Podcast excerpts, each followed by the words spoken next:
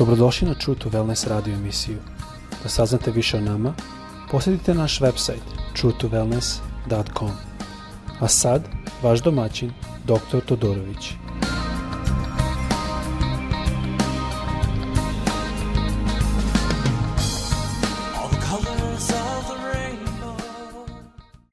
Dobrodošli na ovaj podcast. Ovo je sada treći deo da govorimo o hrišćanstvu, i ljudskom obrazovanju. I kao što se možete setiti, u prvom delu smo govorili o tome kako obrazovanje je način da se oštri naš mač, da budemo, kao što je reč Božja kazala za Mojsiju, kao neko koji je silan u reči delima. Ali iako se oštri naš mač, to ne znači da ćemo mi koristiti taj mač za dobre stvari – Obrazovanje samo oštri taj mač, ali naše duhovno stanje je to što odlučuje kako se koristi taj mač.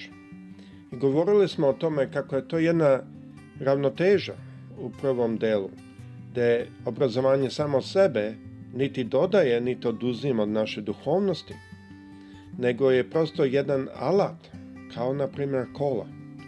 Alat koji ljudi prave, koji nije perfektan, ali koji u jednom, jednim pravilnim, pravilnim rukama, u jednom srcu koje Duh Sveti vodi, to znanje može biti jako korisno.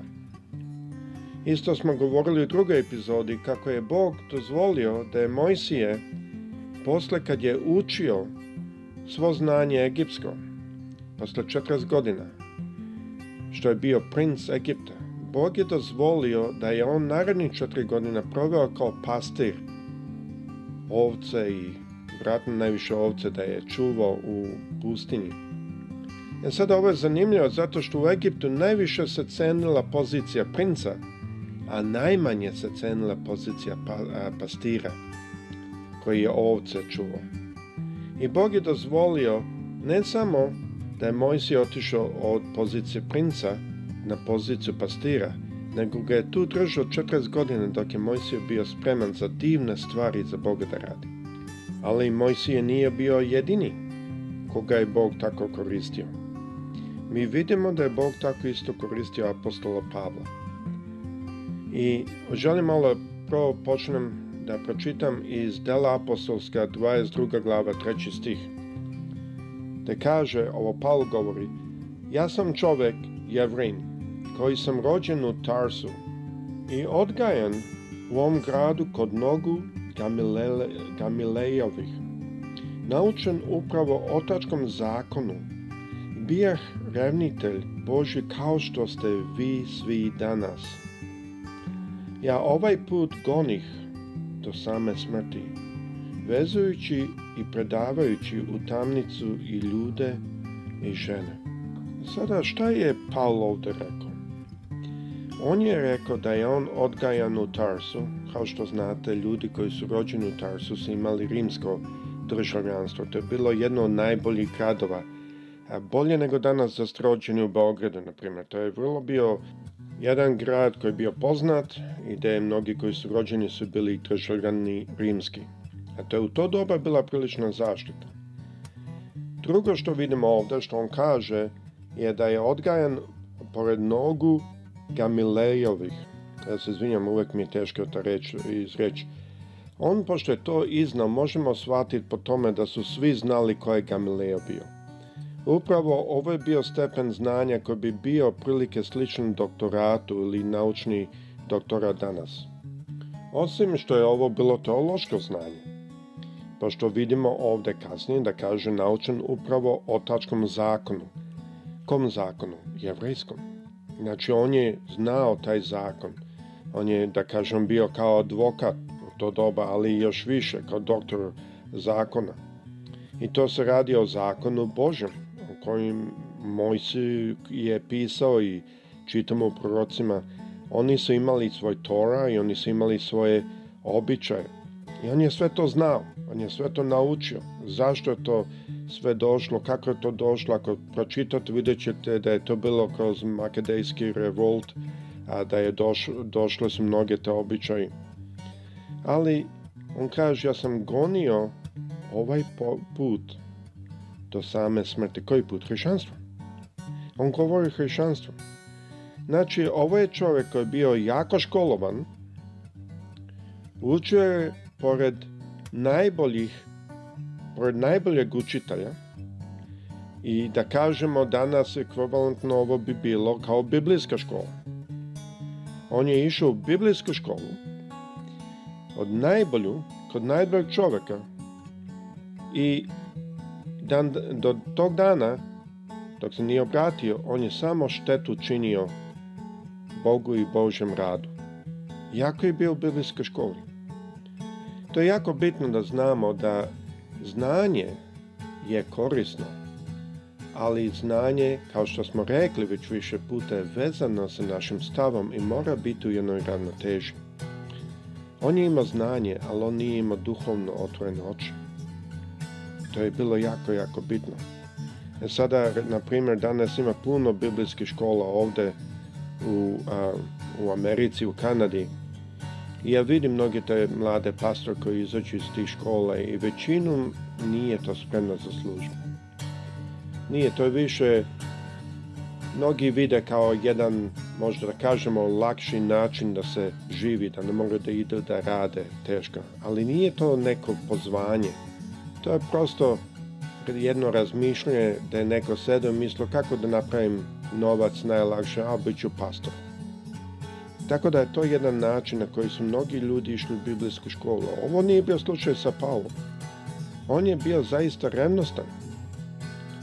E, ovo je, baš želim spomenuti, jedan od načina koji sam upoznao dr. Nikolića, koji isto radi podcast zajedno sa mnom ovde, jer on vodi školu koja zaista mi se svidla. Jer vrlo lepo ume da ima ravnotežu između znanja koji do sada znate da je potrebno, ali isto jedno pravo srce, jedan pravi stav, jedan rad u lokalnoj crkvi, jedno ponizno sa, sa lokalnim pastorom. Velika, velika razlika tu. I to je jako bitno, ljubazni. A, ta škola, kao što većina od vas koji čujete ovo znate, se zove Biblijska škola Apolo, a, Apostolos. Ali To je zaista jedan način koji može jedini da sam ja video da ta dva su baš u jednoj ravnoteži. Ali većina škola koja vidimo ovde u Americi nije tako. Nego je jako puno znanja, jako malo duhovnosti. I to je možda jedan od razloga zašto više i više rišena počinju da se povlače od školovanja, od obrazovanja, a to je opet greška. Sada vidimo ovde, kad gledamo apostola Pavla, koji u ovo doba se zvao još uvek Saul, pre što se obratio, vidimo da je pravio prilično štete. Kada gledamo što je govorio Stefan, on je govorio o Mojsiju kako je bio silan u reči delima. Delimično je prije toga rekao da je završio školske egipatske. I to možemo videti da škola pomaže da čovek silan, ali kao što vidimo kod Saula, To je korišćeno za štetu, ne za korist evanđelja. E, on je proganjao crkve, on je postao vrlo uspešan u tome i mnoge je dovodio u zatvor, mnoge je dovodio da se odriču od reči e, gospodnje za, od straha ili kroz strah. I vidimo da je to kod njega radilo sve do jednog dana. Kaj, koji je taj dan bio? Dela apostolska deveta glava kaže, 18. stih ovako kaže, i odmah otpade od očiju njegovih kao krljušt i odmah pogleda i ustavši krsti se. I pošto pojede, okrepi se i bi Savle nekoliko dana s učenicom koji bijahu u Damasku. I odmah po zbornicama propovedaše Isusa da je on sin Božji i svi koji slušahu divlje se i govarač, govrahu nije li ovo onaj što proganašno i u Jerusalimu, one koji spominjehu ime ovo. I ovde zato dođe da ih povezane vodi glavarima svećeničkim. I kao što znate, ako čitate dalje, vidjet ćete da je Savle odmah uspao da se da pokaže da je Hrist sin Boži čim su mu pale sa očiju a, ove prljuš, kako kaže reč Božja, odma je bio u stanju sa jednom silom, sa jednom efikasnosti da pokazuje da je Isus sin Boži do te mere da su pokušali da ga ubiju baš oni koji su bili na njegovoj strani. Tako da vidite da kad je Saul shvatio, kad su njegove oči počele da vide istinu, on je odjedan put postao jak, moćan, silan u delima i u rečima da pokaže da radi za gospoda. I vi sami znate koliko je crkva on podigao ili gospod kroz njega podigao, koliko je rada gospodu radio kroz njega, koliko knjiga je gospod pisao kroz njega, zato što je on bio spreman i koristio ono isto znanje koje on koristio protiv Isusa Taj dan kad je Isus njemu rekao, Saule, Saule, zašto me goniš? On je shvatio, njegove oči su se otvorile tri dana kasnije i on je počeo isto biti tako silan za Hrista. Ovdje možete vidjeti vrednost ono što je Isus rekao u Mateju 6. glavi 22. stih da kaže Sveća je telu oko. Ako dakle bude oko tvoje zdravo, sve će tijelo tvoje svetlo biti. Ovde vidimo, to se baš desilo kod Paula i gospod ga je mogao koristiti, ali isto tako, ne znam da li ste vi razmišljali o ovome, ali recimo oni koji su pisali evanđelja, gospod isto koristio i na kombinaciju. Matej je bio carinik, on je bio jako dobro školovan, govorio je više jezika, bio je dobar u atmetici, svakako je govorio latinski, Tu su uzimali ljude za carnike Rom, e, Rom, Rimljani, najviše one koji su bili jako školovani. Znači, on je jedan od tih koji je gospod koristio da piše evanđelje. A opet Mark je bio mladić kad je e, on video Hrista i e, njegova majka je u stvari najviše imala Hrista u svojoj kući. On je više bio kao dečak, ali on isto pisao i gospod ga je koristio onda vidite Luka je bio doktor koji nikad nije video Hrista, nego je skupio s tim što je pričao sa drugima i shvatio što se sve dešava i skupio je e, jedno znanje, da ne bi to znanje bilo izgubljeno i zapisao ga o Hristu. A Jovan opet nije bio toliko neki školovan, bio je ribolovac, ali je imao duhovno srce za Boga. I vi vidite kako je gospod dovao jednu ravnotežu čak između onih koji su pisali evanđelje. Ima one koji su školovani, ima one koji nisu školovani. Zašto? Zato što je Gospod dao tu istu ravnotežu da unese. Tako da mi dok čitamo da imamo jedno svedočanstvo sa više strana. Tako i u našem životu Gospod želi da imamo jednu ravnotežu između, između znanja i pomazanja.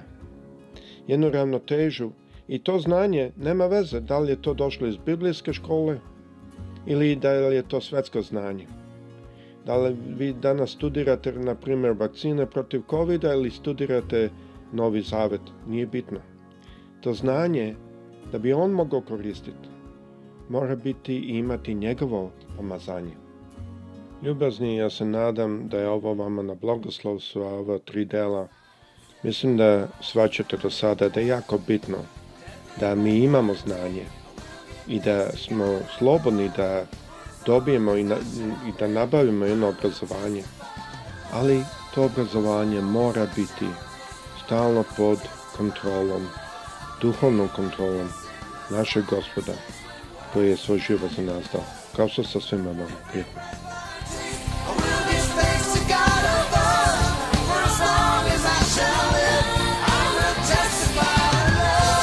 Slušate True to Wellness radio emisiju. Pridružite nam se ponovo svaki utorak, četvrtak i subotu.